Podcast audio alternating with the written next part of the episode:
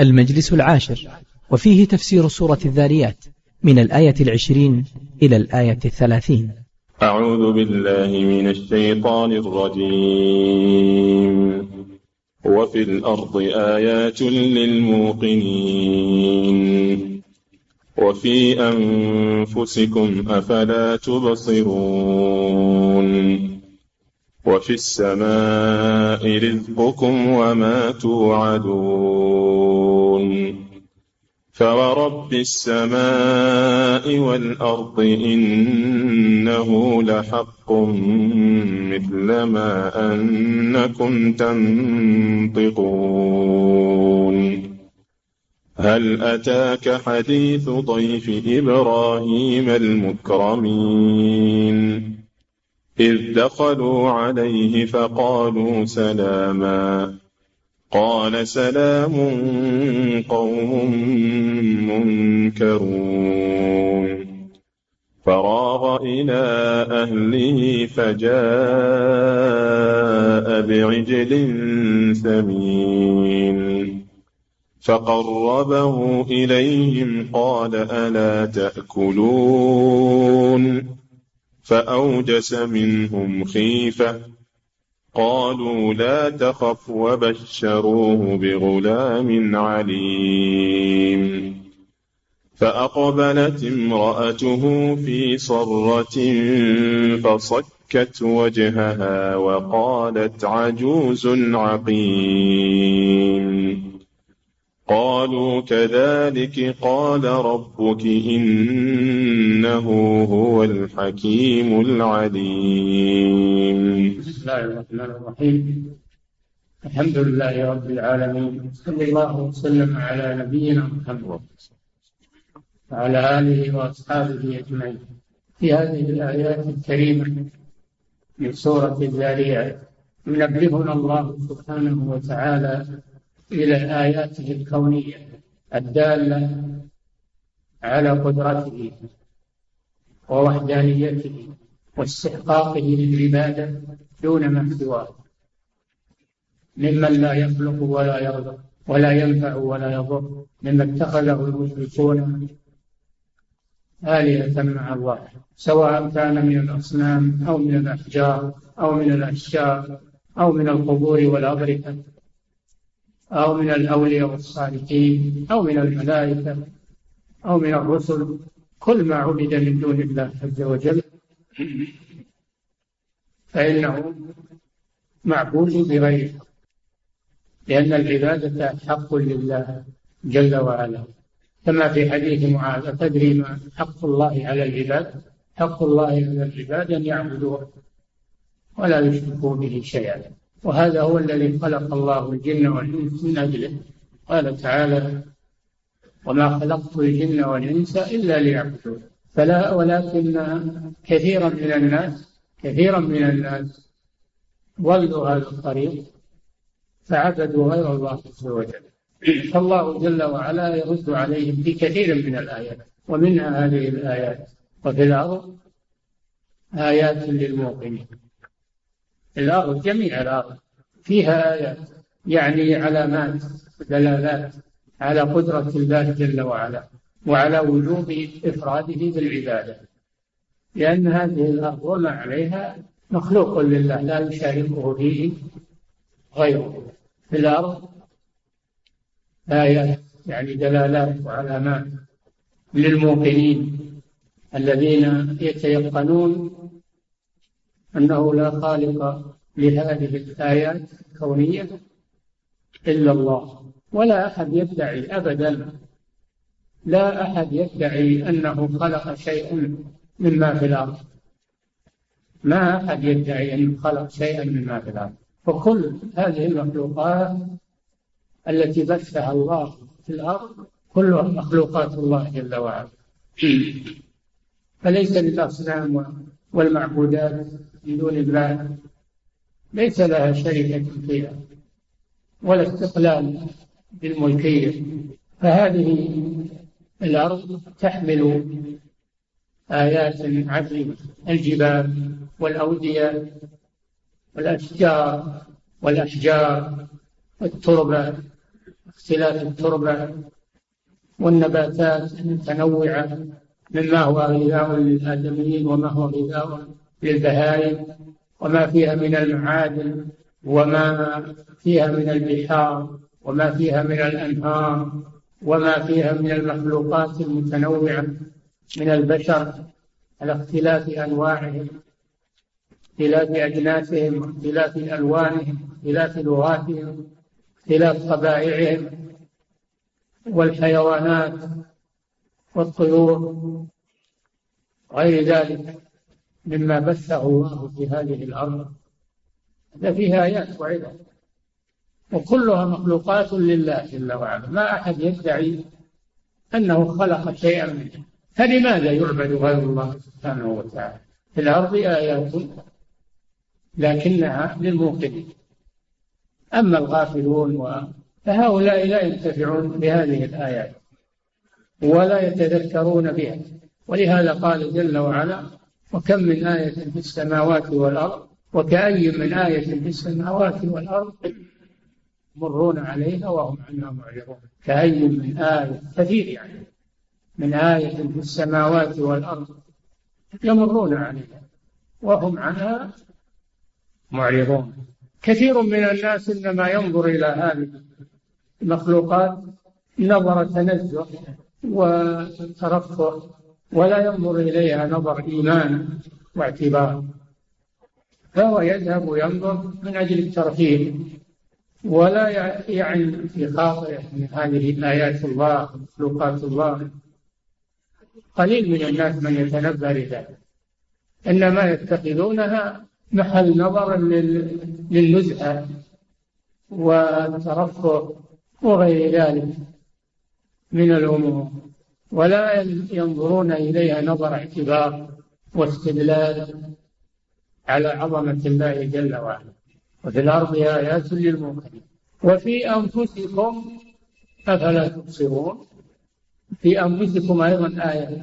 هذا الإنسان المركب من أعضاء وعظام ولحم وعروق وحواس سمع وبصر وآلات دقيقة لا يعلمها إلا الله سبحانه وتعالى في جسم هذا الإنسان. وكل عضو وكل عضلة يؤدي وظيفة لا يؤديها الآخر في جسم هذا الإنسان. ومع هذا لا نعتبر بأنفسنا لا نعتبر بأنفسنا وفي خلقنا. في أنفسكم أفلا تبصرون؟ فكر في نفسك. فكر في نفسك وما فيك وما فيك من العجائب وما فيك من الروح. الروح التي تسري في هذا البدن تتحرك بها وتفارق البدن ترجع إليه في النوم ثم تفارقه بالموت ثم ترجع إليه في البعث. فكر في هذا. فكر في نفسك. ولو ذهبت إلى علماء التشريح وعلماء الطب ووقفت على ما في هذا الإنسان وجسم هذا الإنسان من عجيب التركيب والأعضاء المختلفة. لتعجبت وتحيرت أشد العجب. ثم هذا العقل الذي جعله الله في هذا الإنسان فرق به بينه وبين البهائم. هذا من العجائب. الروح والعقل والسمع والبصر والكلام غير ذلك والقلب غير ذلك من عجائب خلقة الإنسان. ما يخير العقول. ولهذا قال فلا تبصرون؟ ما تبصرون ما في أنفسكم. من العجائب. تنبه لو أن عضوا من أعضائك أو عرقا من عروقك تعطل أو مرض ماذا يحصل لك من الخلل والنام من الذي رتب هذه الأعضاء وأمدها وحركها ونظمها في بدقة متناهية لا تدركها العقول. هذا آية من آيات الله سبحانه وتعالى. وفي أنفسكم أفلا تبصرون. هذا تهديد من الله استنكار من الله أنك لا تبصر ما فيك من الآيات. ثم قال جل وعلا وفي السماء رزقكم. لما انتهى من ذكر الأرض قال وفي السماء رزقكم والسماء هي ما فوق الأرض. السماوات السبع المبنية فيها رزقكم وما توعدون. فيها رزقكم أكثر الأقوال على أن المراد به المطر الذي هو سبب للرزق وإنبات النبات والشراب غير ذلك. فإذا انحبس المطر تضرر الناس تضررت البهائم تضررت الطيور تضررت المخلوقات. المطر رزق بلا شك إنه رزق. حبسه حبس للرزق. وفي السماء رزقكم أي المطر. لأن المطر ينزل من السماء يعني من العلو من السحاب. ينزل من السحاب المسخر بين السماء والأرض. وفي السماء رزقكم.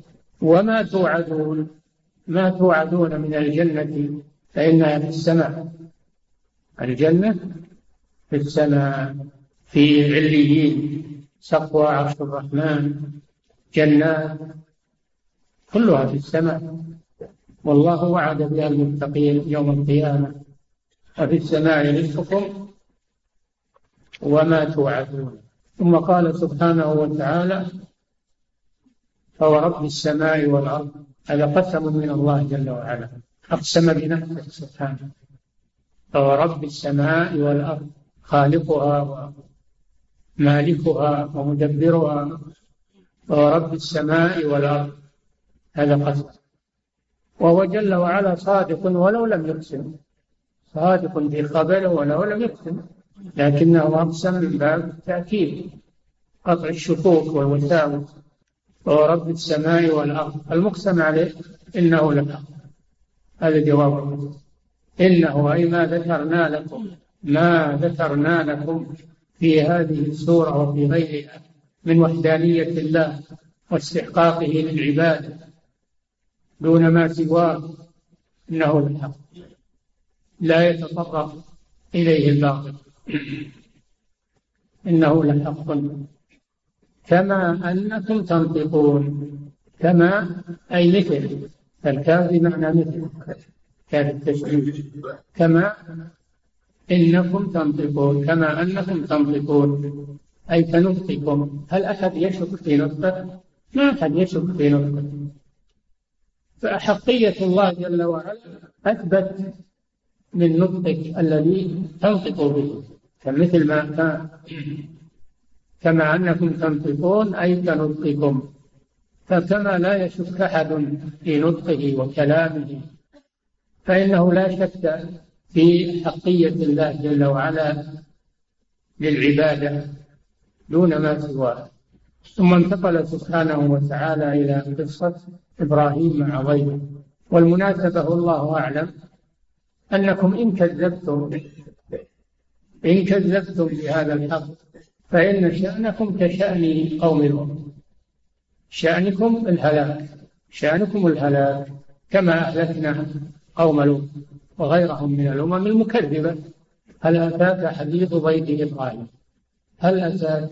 النبي صلى الله عليه وسلم لم عاصر إبراهيم ولا عاصر قوم لوط ولا عاصر الأمم السابقة وإنما يخبر عما أنزله الله عليه وآتاه الله من الوحي. فالاستفهام هنا تحقيق. هل أتاك؟ أي قد أتاك. قد أتاك. ونزل عليك حديث الخبر الحديث الخبر. حديث ضيف إبراهيم المكرم وهذا كما ذكره الله جل وعلا في سورة هود وفي سورة الحجر من القصة. وذلك أن قوم لوط أمة تعيش في سدوم في سدوم من الأردن أمة تعيش في هذا الوضع ولكنهم والعياذ بالله ابتلوا بجريمة لم يسبقوا إليها. جريمة لم يسبقوا إليها. وهي اللواط اتيان الذكور وترك الإناث جريمة ما سبقهم بها من أحد من العالمين. بل حتى البهائم لا تفعل هذا الشيء. البهائم ما تفعل هذا الشيء. لأن هذا مخالف للفطر مخالف للفطر والعقول. فكانوا يأتون الذكران من العالم فأرسل الله إليهم نبيه لوطا عليه السلام. لوط ابن أخي إبراهيم عليه السلام. كان معاصرا له كان معاصرا لإبراهيم. بعثه الله إليهم لينذرهم.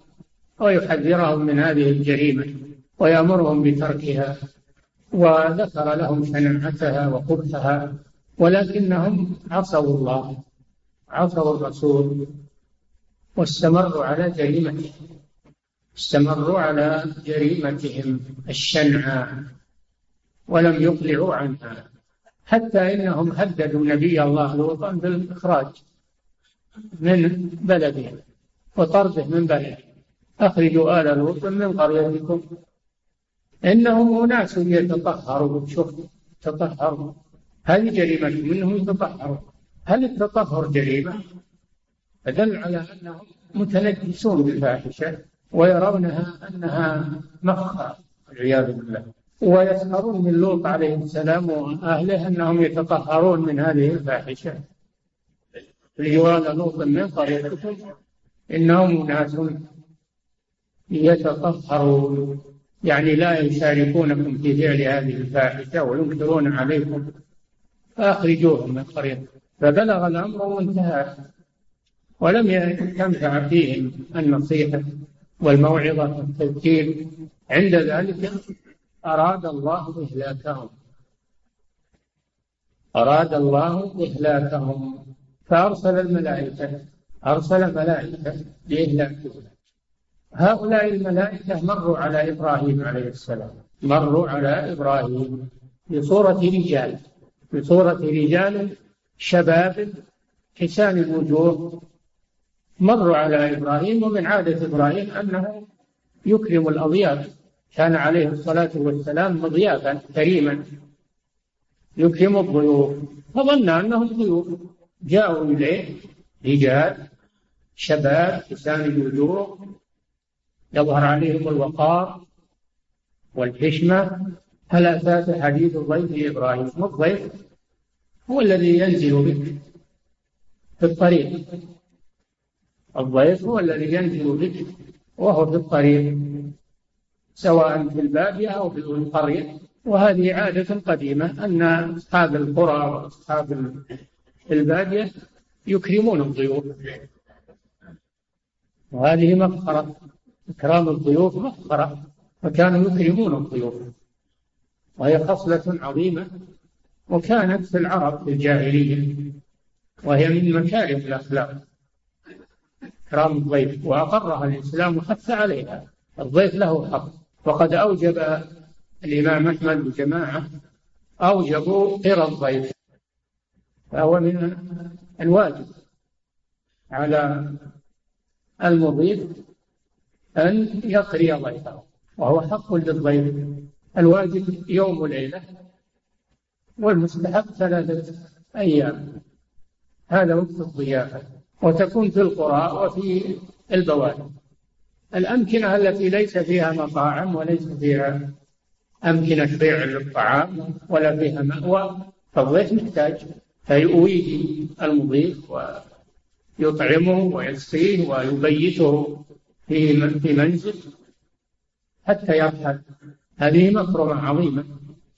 وكان إبراهيم عليه السلام قائما بها خير قيام كان مضيافا. ولهذا قال المكرمين. لا تأت حديث ضيف إبراهيم. المكرمين.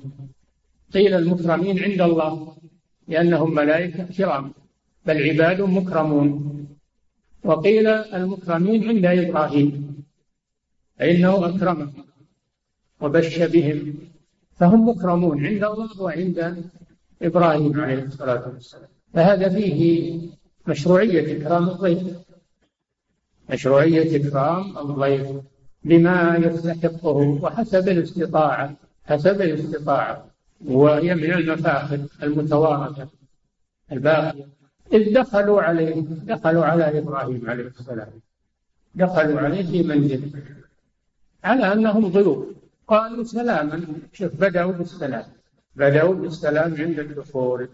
هذا فيه مشروعية السلام عند دخولك على بيت أخيك أو أحد من من الناس. فالسلام عند الدخول هذا سنة. هذا سنة. يا أيها الذين آمنوا لا تدخلوا بيوتا غير بيوتكم. حتى تستأنسوا وتسلموا على أهلها إذا دخلتم بيوتا فسلموا على أنفسكم. يعني يسلم بعضكم على بعض عند الدخول. والملائكة سلموا على إبراهيم. قالوا سلاما. سلاما منصوب على أنه مفعول لفعل محذوف. أي نسلم عليك سلاما.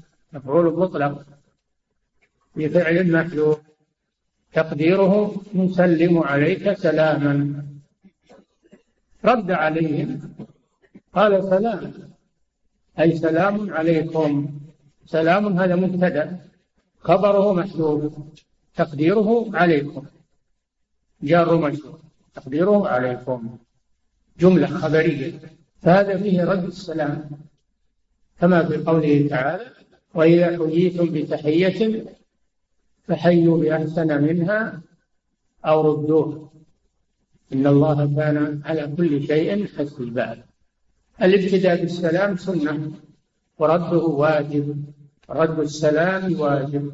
بمثل ما سلم عليك وإن زدت فهو أحسن. إن زدت على ذلك فهو أحسن. حيوا بأحسن منها أو ردوها قال سلام هذا أول شيء. بدأوا بالسلام رد عليهم بالسلام ثم إنه على عادته عليه الصلاة والسلام في إكرام الضيف راق إلى أهله يعني ذهب إليهم خفية مسرعا. ذهب إلى أهله مسرعا وخفية.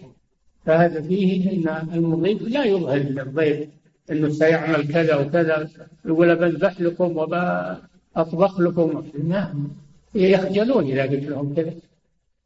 فأنت تخفي القراءة ولا تظهر لهم شيئا. راغ إلى يعني ذهب مسرعا وبخفية بحيث إن الملائكة لم يشعروا بذلك.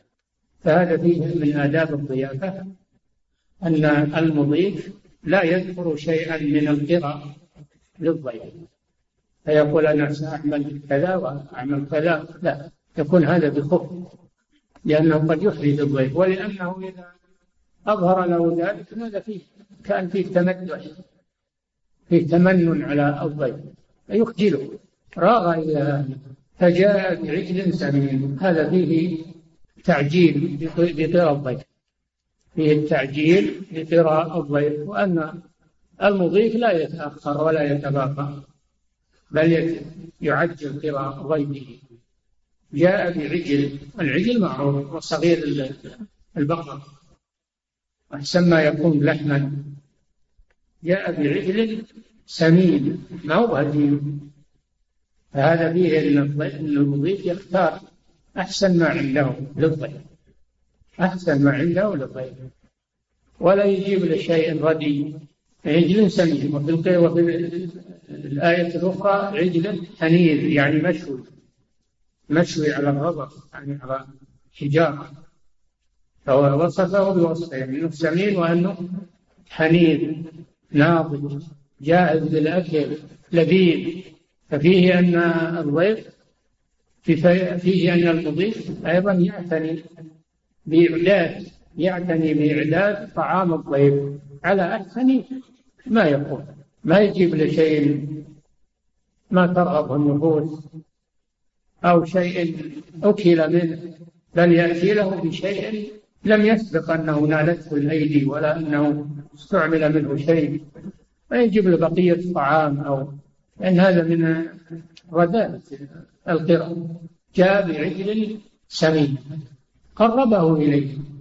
هذا فيه من آداب الضيافة أن المضيف يأتي بالطعام للضيف في مكانه مجلسه.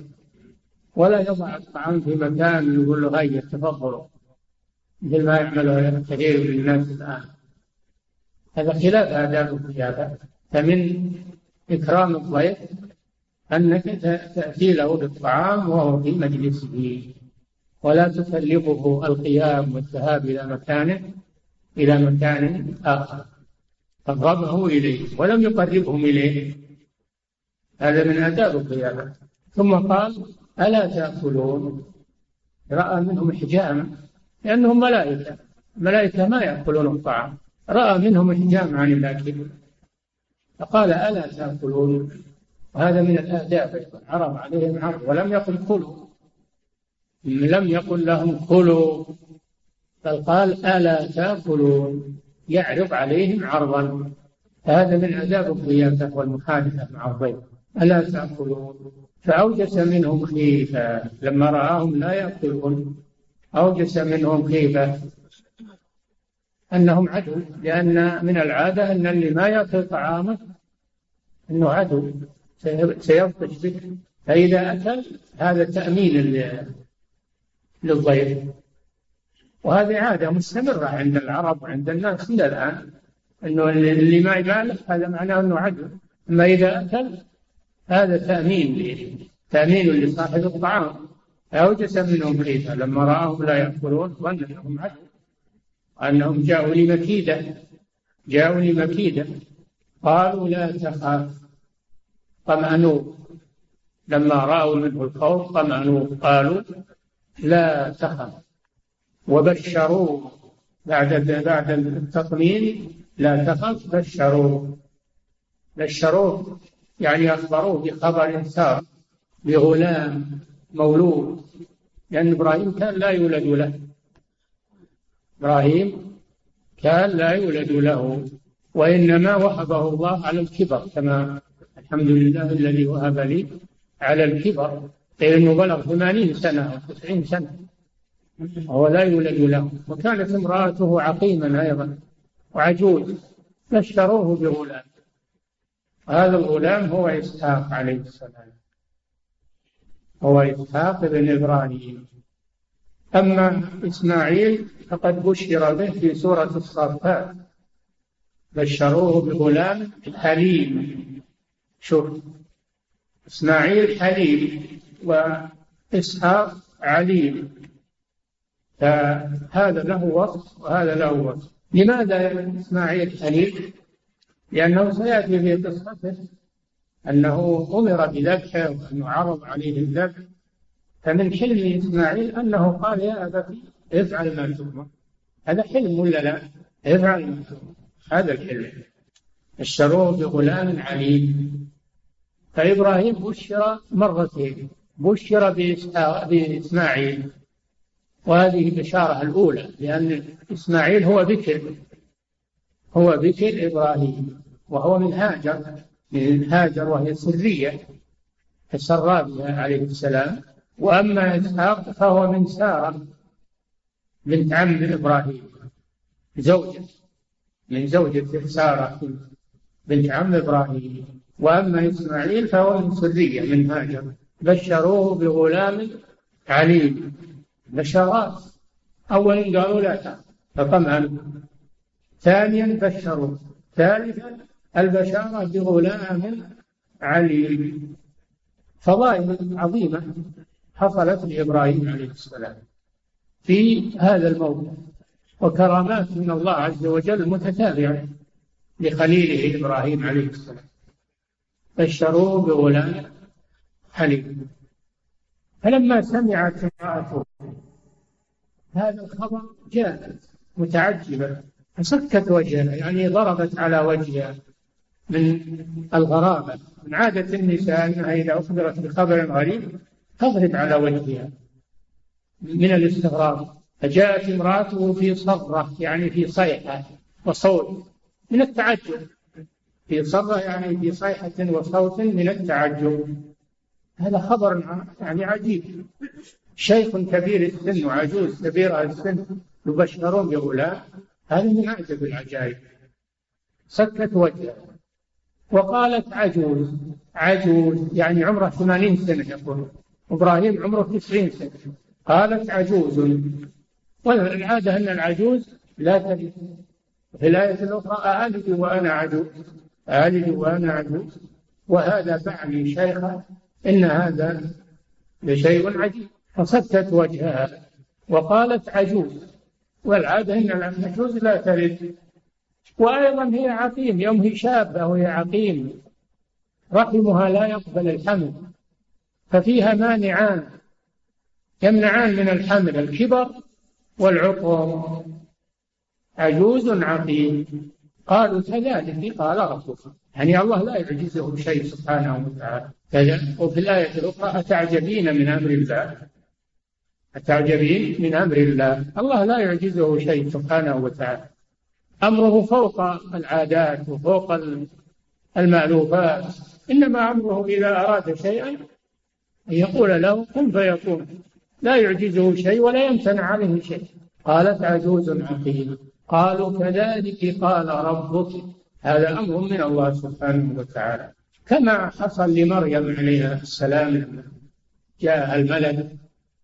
أخبرها أنه سينفخ فيها لتحمل. فعند ذلك تعجبت أن لا يكون لي ولد ولم يمسسني بشر. ولم يمسسني بشر العادة أن المرأة ما تحمل إلا من لقاح الذكر وهي لم يمسها بشر. كيف تحمل؟ هذا أمر الله سبحانه وتعالى لا يعجزه شيء. قالوا كذلك قال ربك هو علي هين ولنجعله آية للناس وكان أمرا مقضيا. الله إذا أراد شيئا لا يعجزه شيء سبحانه وتعالى ولا يتقيد بالعادات أو بنظام الكون ما يتقيد الله يأمر بما يشاء سبحانه وتعالى. قالوا كذلك. قال ربك إنه هو الحكيم العليم. الحكيم الذي يضع الأمور في مواضعها والعليم الذي لا يخفى عليه شيء ولا يعجزه شيء سبحانه وتعالى. إذا فلا غرابة. إذا فلا غرابة. ثم بعد ذلك توجه إليه السؤال ما خطبكم قال فما خطبكم أيها المرسلون. يعني ماذا تقصدون؟ ثم أخبروه أنهم ذاهبون إلى قوم لوط. وهذا يأتي إن شاء الله في القراءة القادمة بإذن الله. والله تعالى أعلم. وصلى الله وسلم على نبينا محمد وعلى آله وصحبه أجمعين. نعم.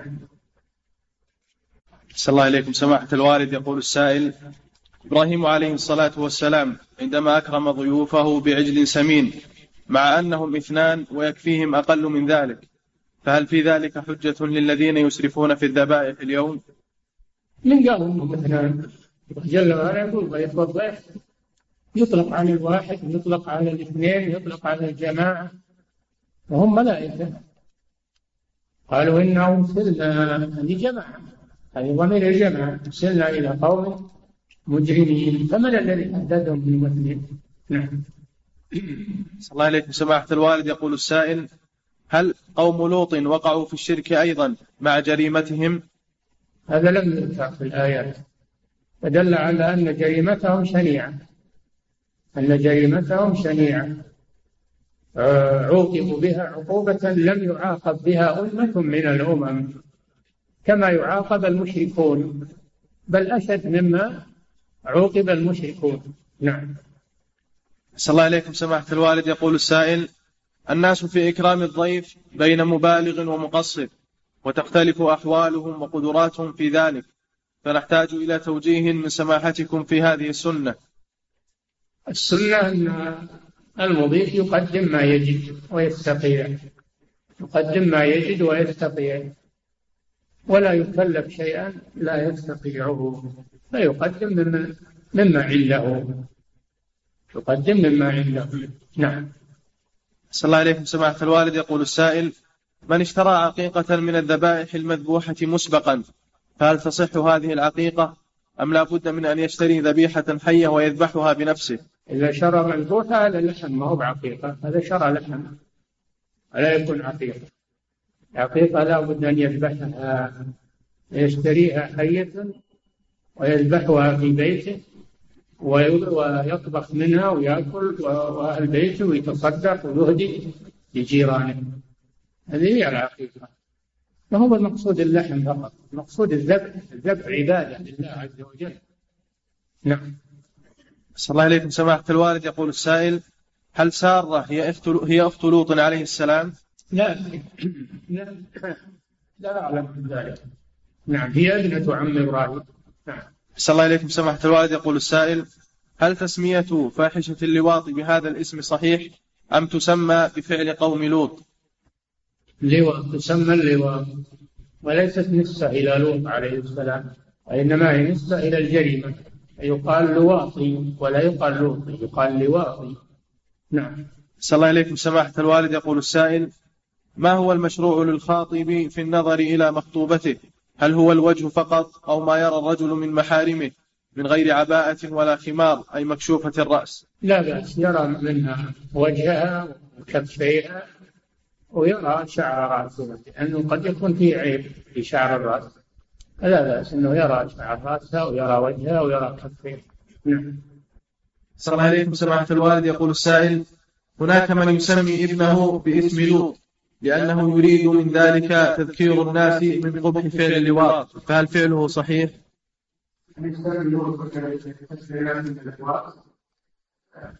لا هذا رأي عجيب. سمي لوط على النبي أو يسميه على اللوطية. نعم. سميه على أنه اسم نبي. نبي كريم. نعم.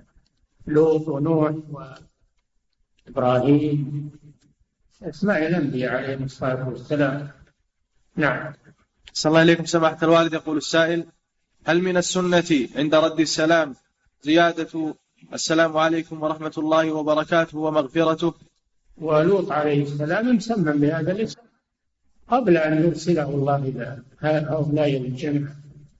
فآمن له لوط. هذا في أرض العراق قبل أن يهاجروا إلى أرض الشام. اسمه من من, من الأصل. ما هو بمناسبة أنه أرسل إلى اللوطية فلا يقرن بين هذا وهذا. نعم. أحسن الله إليكم سماحة الوالد. يقول السائل هل من السنة عند رد السلام زيادة ومغفرته طيب. إذا زاد هذا طيب. ورحمة الله وبركاته ومغفرته لا بأس. نعم. صلى الله إليكم سماحة الوالد. يقول السائل بعض القبائل يتفقون على أمور من فعل كذا فعليه كذا وتكون ملزمة لأفراد القبيلة. وهذه الأمور قد تكون موافقة للشريعة وقد تكون مخالفة ويسم ويسمونها تشريعات. فما حكم هذا الفعل؟ وما حكم تسميتها بتشريعات؟ هذا حكم الجاهلية هذه أعراف قبلية وهي من حكم الجاهلية. فلا يجوز إلزام الناس بشيء إلا ما ألزمهم الله به أو ألزمهم به رسوله. والأصل في أموال الناس التحريم. لا تأكلوا أموالكم بينكم بالباطل. لا يحل مال امرئ مسلم إلا بطيبة من نفس فلا يجوز أخذه إلا بحق شرعي لا بحق قبلي أو عرفي. هذا من حكم الجاهلية. نعم. صلى الله عليكم سماحة الوالد. يقول السائل هل يجب على جميع أهل القرية إقراء الضيف النازل بهم يوما واحدا أم أنه يجب على كل مستطيع إقراؤه يوما وليلة؟ الضيافة الواجبة يوم وليلة والسنة ثلاثة أيام. وإذا تعاون الجيران أو أهل القرية تعاونوا على ضيافة الضيف هذا شيء طيب. هذا من التعاون على البر والتقوى. نعم. صلى الله عليكم. سماحة الوالد يقول السائل ما حكم مكث الضيف أكثر من ثلاثة أيام؟ لا يلبس أكثر من ثلاثة أيام. إذا إذا زاد على ثلاثة أيام فليس له حق. ليس له حق. نعم. صلى الله عليكم سماحة الوالد. يقول السائل ما حكم فاعل اللواط في الدنيا وفي الآخرة؟ حكمه في الدنيا إذا ثبت عليه بإقرار أو ببينة أنه يقتل. أنه يقتل حتما. هذا حكمه في الدنيا. من ناحية الحد ومن ناحية الدين أنه يكون فاسقا. ولا تقبل شهادته. يكون فاسقا من الفاسقين ومرتكب لكبيرة من أقبح الكبائر بعد الشرك.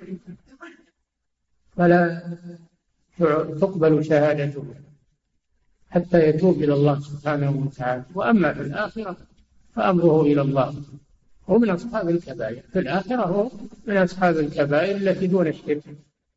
إلا إذا كان يستبيح اللواء إذا كان يستبيح اللواء فهذا كافر. حتى ولو لم يفعل اللواء إذا قال اللواء حلال فهذا كافر. مرتد عن دين الإسلام. يستتاب فإن تاب وإلا قتل. مرتد. نعم. صلى الله إليكم سماحة الوالد. يقول السائل هل عدم زواج شيخ الإسلام ابن تيمية رحمه الله هو من قبيل التبتل والتشدد ويدخل في من جاء إلى النبي صلى الله عليه وسلم وقال أنا لا أتزوج النساء فزجره النبي صلى الله عليه وسلم لأن ذلك من يدعي بفعل شيخ الإسلام رحمه الله. إذا صار هذا السائل مثل شيخ الإسلام في جهاده وعلمه فإنه وصار الزواج عوقه عن الدعوة وعن الجهاد وعن فهو معذور شيخ الإسلام إنما تركه لأنه مجاهد في سبيل الله و... وأيضا مطارد مسكن ويعذب ولم يتفرغ للزواج. لم يتفرغ للزواج. نعم. صلى الله إليكم سماحة الوالد. يقول السائل هل الاختراعات الحديثة كالجوال والكمبيوتر وغيرها تدخل ضمن مخلوقات الله جل وعلا؟ ما نشتري إلا وهو مخلوق لله الله خالق كل شيء وهو على كل شيء وكيل. والله خلقكم وما تعملون. والله خلق المهندس والصانع وخلق الصنع والمصنوع. كل خلق الله سبحانه وتعالى. لا شيء يخرج عن خلق الله جل وعلا. نعم. صلى الله عليكم سماحة الوالد. يقول السائل ضيف أحد الإخوة أحد طلبة العلم ووضع له عشاء من الدجاج من أحد المطاعم من أحد المطاعم فسأل عن نوع الدجاج فقال إنه دجاج برازيلي فأمر بأخذ الدجاج وألقاه في القمامة واكتفى بأكل الرز فقط. فما رأيكم بذلك؟ كونه لا يأكله لا شيء يأكله ما يأكل. أما أنه يلقى في القمامة هذا لا يجوز. هذا من ازدراء نعمة الله إذا لم يأكله يأكله غيره ولا يلقيه في القمامة. نعم. صلى الله إليكم سماحة الوالد. يقول السائل إذا كان للإنسان دين على شخص ويحل بعد عشر سنوات فهل يزكي صاحب المال عن ماله الذي قد أدانه لهذا المدين؟ إيه نعم.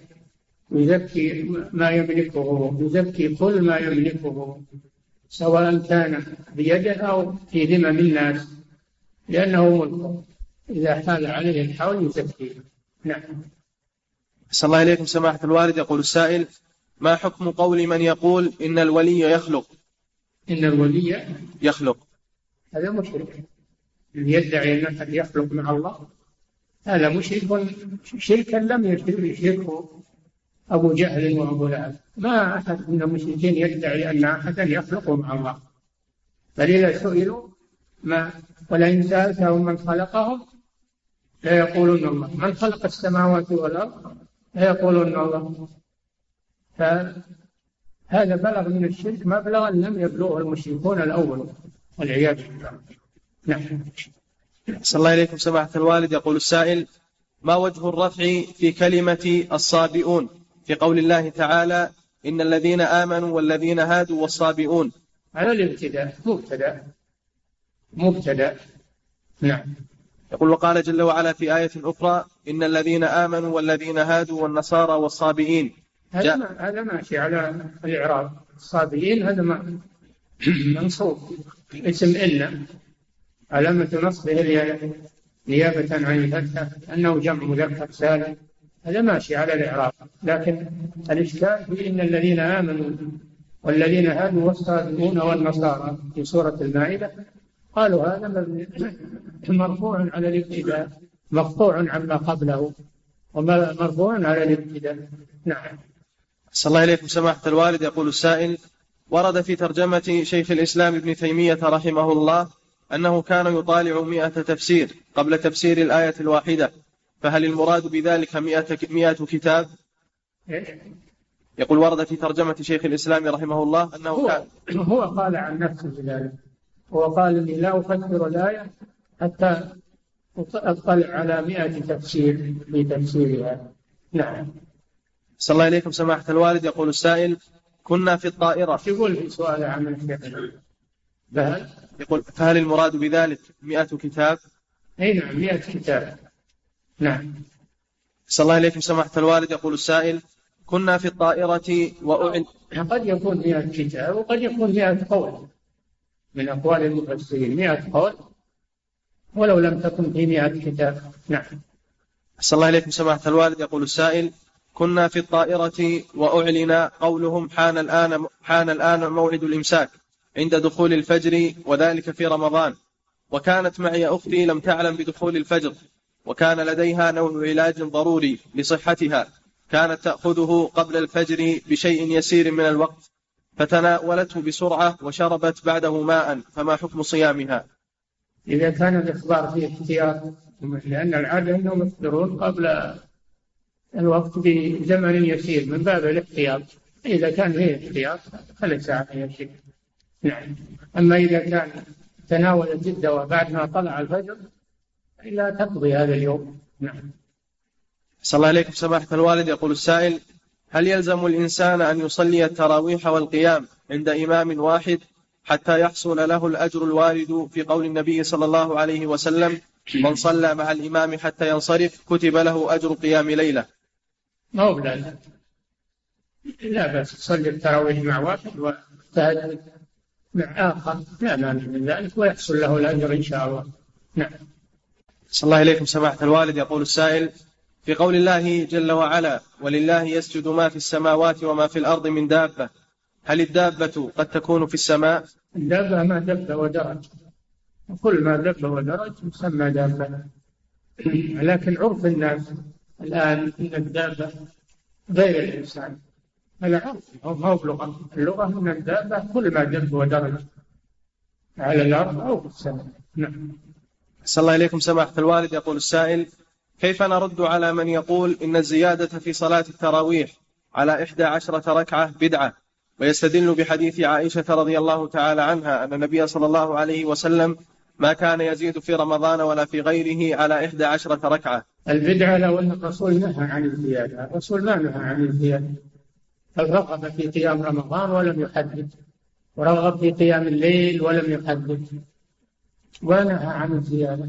فلو أنه نهى عن الزيادة وجاء واحد وزاد يصير هذا بدعة قوله صلى الله عليه وسلم من عمل عملا ليس عليه أمرنا فهو رد. الرسول لم يأمر بعدد محدد وإنما رغب في قيام رمضان. وقال من قام مع الإمام حتى ينصرف ولم يحدد. يقول شرط أن الإمام يصلي كذا. فالقول هذا هو اللي بدعة. اللي يقول هذا هو المبتدع. لأنه قال قولا بلا علم والعياذ بالله. وهل عمر مبتدع؟ عمر والصحابة في وقته صلوا ثلاثا وعشرين في مسجد الرسول صلى الله عليه وسلم. وبإمامة أبي بن كعب. هل هؤلاء مبتدعة؟ سبحان الله. بعض الناس لا لا يفكر في قوله ولا ينظر مجازفاته نعم. صلى الله عليكم سماحة الوالد يقول السائل إذا قدم الضيف على شخص في مكان يوجد فيه مطاعم وفنادق فهل يقول أحسن الله إليكم إذا قدم الضيف على شخص في مكان يوجد فيه مطاعم وفنادق فهل يجب عليه ضيافته؟ لا الضيافة في القرى والبوادي التي ليس فيها أماكن للأكل والبيع طعام ليس المدن ليس فيها ضيافة إنما هذا في الأمكنة التي ليس فيها محلات بيع طعام. نعم. صلى الله عليكم. سماحة الوالد يقول السائل ما حكم التسبيح بقول القائل؟ سبحان الله عدد الشجر وعدد النجوم وعدد السكون وعدد خلقه. لا بأس بذلك. أقول لا بأس بذلك. وله وله أجر لكنه ليس كمن عدد التسبيح بمئة أو بكذا لو قال سبحان الله مئة مرة ما هو مثل ما لو سبح الله مئة مرة. على كل حال يجوز يقول سبحان الله عدد خلقه. سبحان الله ملء أرضه وسمائه. سبحان الله. لا بأس بذلك. نعم. صلى الله عليكم سماحة الوالد يقول السائل ما حكم لبس الثوب إلى نصف الساق؟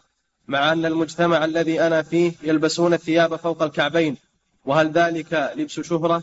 وإذا كان كذلك فما الجواب عن قول النبي صلى الله عليه وسلم إزرة المؤمن إلى نصف ساقه هذا بالإزار. أول شيء هذا بالإزار. ما هو في الثياب إزرة المؤمن. هذا بالإزار. ثانيا الثياب الرجال إلى إلى الكعبين. هذا آخر شيء. إلى الكعبين.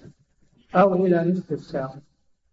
فإذا عمل المجتمع ببركة السنة المجتمع كله على الكعب فأنت لا تخالفهم البس إلى الكعبة. فإن خالفتهم صار شهرة. وإذا كانوا كلهم إلى نصف الساق أنت لا تلبس إلى الكعبة. يعني تصير شهرة بينهم. فأنت توافق المجتمع ما دام أن المجتمع على نوع من السنة. أما إذا كانوا يلبسون تحت الكعب لا. لا توافقهم عليه يعني هذا حرام. وليس هذا شهرة هذا موافقة للسنة. نعم. صلى الله عليكم سماحة الوالد. يقول السائل انتشر في الآونة الأخيرة قول يقول بأن الأشاعرة والماتريدية من أهل السنة والجماعة فما تعليقكم على مثل هذا؟ متى كانوا من أهل السنة والجماعة؟ وهم يعادون أهل السنة والجماعة ويضايقونهم على مر التاريخ. ومتى كانوا من أهل السنة والجماعة وهم يقولون الرحمن على العرش استوى أي استولى ولا يثبتون الاستواء متى من أهل السنة والجماعة وهم يقولون القرآن لفظه مخلوق وأما معناه فهو من الله وأما لفظه فهو من كلام الرسول. هؤلاء أهل السنة والجماعة هذا وكل نعم. صلى الله عليكم سماحة الوالد. يقول السائل أحد أئمة المساجد في الأعياد يكلف أحد الشباب بالتبكير قبل صلاة العيد عبر الميكروفون؟ زعما منه تذكير الناس حتى يكبروا. فهل فعله هذا بدعة؟ ليس هو بدعة ما دام إنه واحد ما هو بجماعة. واحد يكبر ويرفع صوته مجرد أو بالميكروفون من أجل تذكير الناس لا بأس بذلك. إنما لو كانوا جماعة صوت واحد فلا هو البدعة. صوت الجماعي تكبير الجماعي نعم. صلى الله عليكم سماحة الوالد. يقول السائل إذا نسي المصلي هل سجد للسهو مرة أو مرتين؟ فماذا نعم. يقول أحسن الله إليكم إذا نسي المصلي هل سجد للسهو مرة أو مرتين؟ فماذا يفعل عند ذلك؟ يسجد مرتين إذا شك هل سجد مرة أو مرتين يبني على اليقين يجعلها سجدة واحدة ويجيب ثاني ثم عند السلام يسجد للسهو. يسجد للسهو. نعم. يبني على اليقين ويسجد للسهو عند السلام نعم. صلى الله عليكم. يقول في تتمة سؤاله وإذا سجد المصلي للسهو ثم أتى بالتشهد ناسيا فهل يسجد مرة أخرى للسهو؟ لا. ما في ما في صلاة واحدة سهوان أبدا.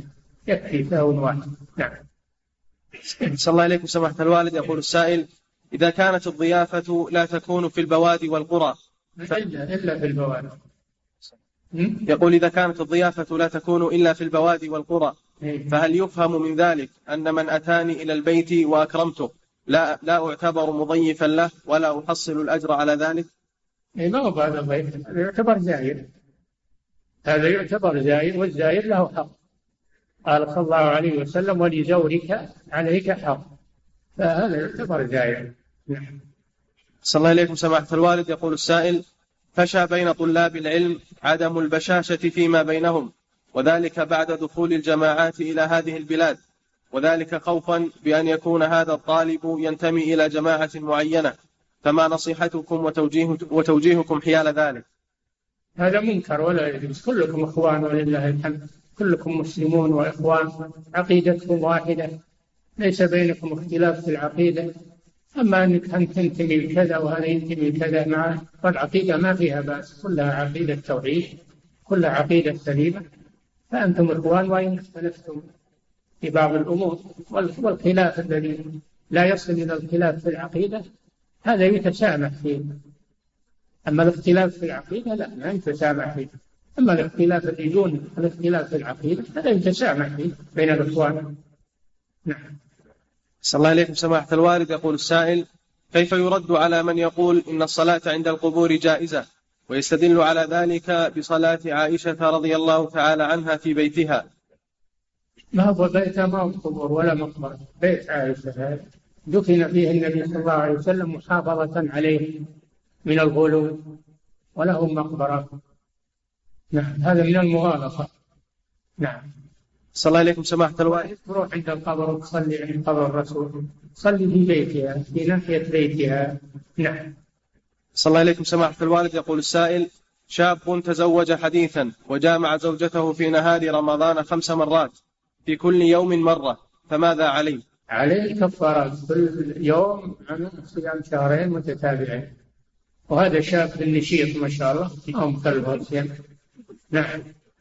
صلى الله عليكم سماحة الوالد. يقول السائل رجل كان عنده مبلغ قدره خمسون ألف ريال وكان, وكان يخرج عليه الزكاة. نعم. رجل. يقول أحسن إليكم رجل كان عنده مبلغ قدره خمسون ألف ريال وكان يخرج عليه الزكاة والآن اشترى به سيارة أجرة فكيف يخرج عليه الزكاة؟ ما دام شرى سيارة أجرة انتهى. لكن إن حصل على مبالغ من أجرة السيارة وحال عليها الحول تكفي الأجرة فقط. إذا حال عليها الحول بلغت النصاب نعم. صلى الله عليكم سماحة الوالد. يقول السائل هل الإبرة التي تكون في الوريد تفطر؟ إذا كانت مغذية لا شك أنها تفطر لأنها تجي تغني عن الطعام والشراب. أما إذا كانت ما هي مغذية فالأحوط أنه يقضي. الأحوط أنه يقضي. لأنها تذهب مع الدم خالط الجسم. نعم. فالأحوط أنه يقضي نعم. صلى الله عليكم سماحة الوالد. يقول السائل هل يحصل لمن صام ستا من شوال في يومي الاثنين والخميس الأجرين أم فقط يحصل له أجر الست من شوال؟ إذا صادف الاثنين والخميس صادف الاثنين والخميس صيام الست فيرجى أن يحصل له الفضيلتان. نعم. صلى الله عليه وسلم يتعمد يقول بخليه الاثنين والخميس كل اثنين وخميس لما ينتهي الشهر هذا هذا تكلف. هذا من التكلف.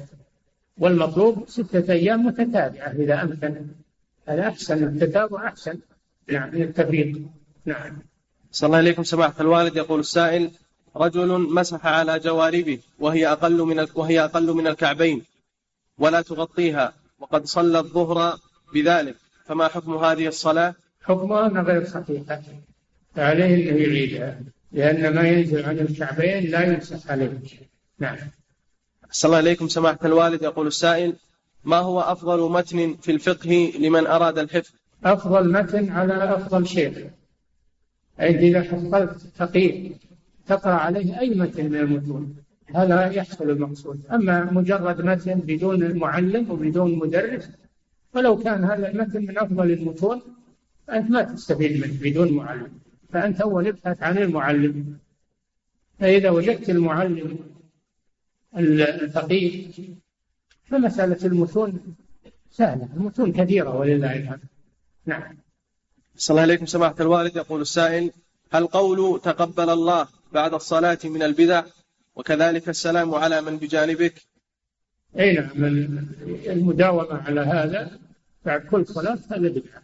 أما بعض الأحيان في بأس إذا لم يلتزم ويتخذ بعد كل صلاة وإنما هو بعض الأحيان لا بأس بذلك. نعم. صلى الله عليكم سماحة الوالد. يقول السائل هل يجب تبييت النية في صيام ست من شوال؟ لا. صوم التطوع يصح بنية من النهار بشرط ألا يأكل ويشرب بعد الفجر. إذا كان ما حصل منه أكل وشرب بعد الفجر ونوى الصيام في أثناء النهار صح ذلك. نعم. صلى الله عليكم سماحة الوالد. يقول السائل قال أحد الفلكيين في أحد الصحف إنه سوف تهطل أمطار على المنطقة الوسطى والمنطقة الشمالية هذه الأيام فهل هذا من ادعاء علم الغيب؟ وهل نزل شيء من المطر؟ ها؟ أو ما بعد جاء وعده يقول هذا من الإفتراء على الله والكذب وادعاء علم الغيب لا يعلم متى نزال المطر وأين ينزل إلا الله جل وعلا فلا يجوز الكلام هذا نعم صلى الله عليكم سماحة الوالد يقول السائل من أخذ تورقا من البنك بشكل أسهم وخسرت كثيرا وكان يقسطها شهريا فهل تجب الزكاة على هذه الأسهم؟ ما أعرف. أنا ما نبهت في الأسهم. منذ بدأت إلى الآن وأنا متوقف فيها ولا أفتي فيها نعم. صلى الله عليك سماحة الوالد. يقول السائل نحن في منطقة جازان ينتشر عندنا شجرة القات. فما حكم أكل هذه الشجرة؟ مع أن بعضهم يستبيحونها بحجة أنها لم تذكر في القرآن. ذكرت في القرآن ويحرم عليهم الخبائث والقات من الخبائث. وكل خبيث فهو حرام بنص القرآن. بل القات أشد من الدخان. والدخان كما تعلمون كلام الأطباء فيه أنه مضر وأنه خبيث وأن القات أشد من الدخان. فيدخل في قوله تعالى ويحرم عليهم الخبائث. نعم انتهى الله